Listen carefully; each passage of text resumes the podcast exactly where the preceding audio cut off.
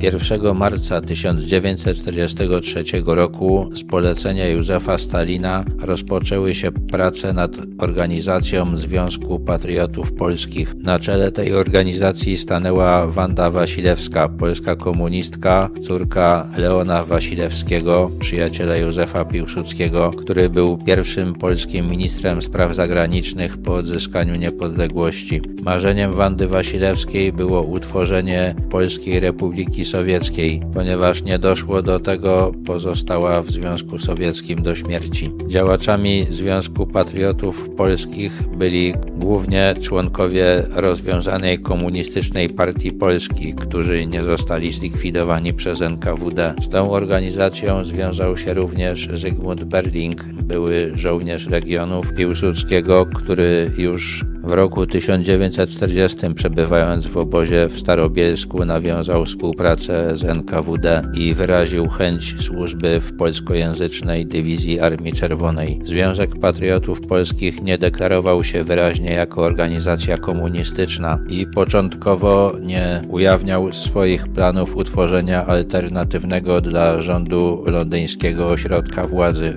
Krytykował politykę generała Sikorskiego jako zagrażającą trwałości sojuszu Wielkiej Brytanii, Stanów Zjednoczonych i Związku Sowieckiego i kwestionował jego podstawę prawną, czyli konstytucję z roku 1935 jako niedemokratyczną i narzuconą narodowi. Wydawał gazetę pod tytułem Wolna Polska, prowadził wśród Polaków przebywających w Związku Sowieckim działalność społeczną oraz kulturalno-oświatową. Aktywiści ZPP działali także w Stanach Zjednoczonych wśród tamtejszej Polonii najbardziej znanymi byli Oskar Lange i ksiądz Stanisław Orlemański. Po zerwaniu przez Stalina stosunków z rządem londyńskim związek współdziałał przy tworzeniu armii Berlinga i tworzeniu rządu tymczasowego. Został rozwiązany w sierpniu 1946 roku.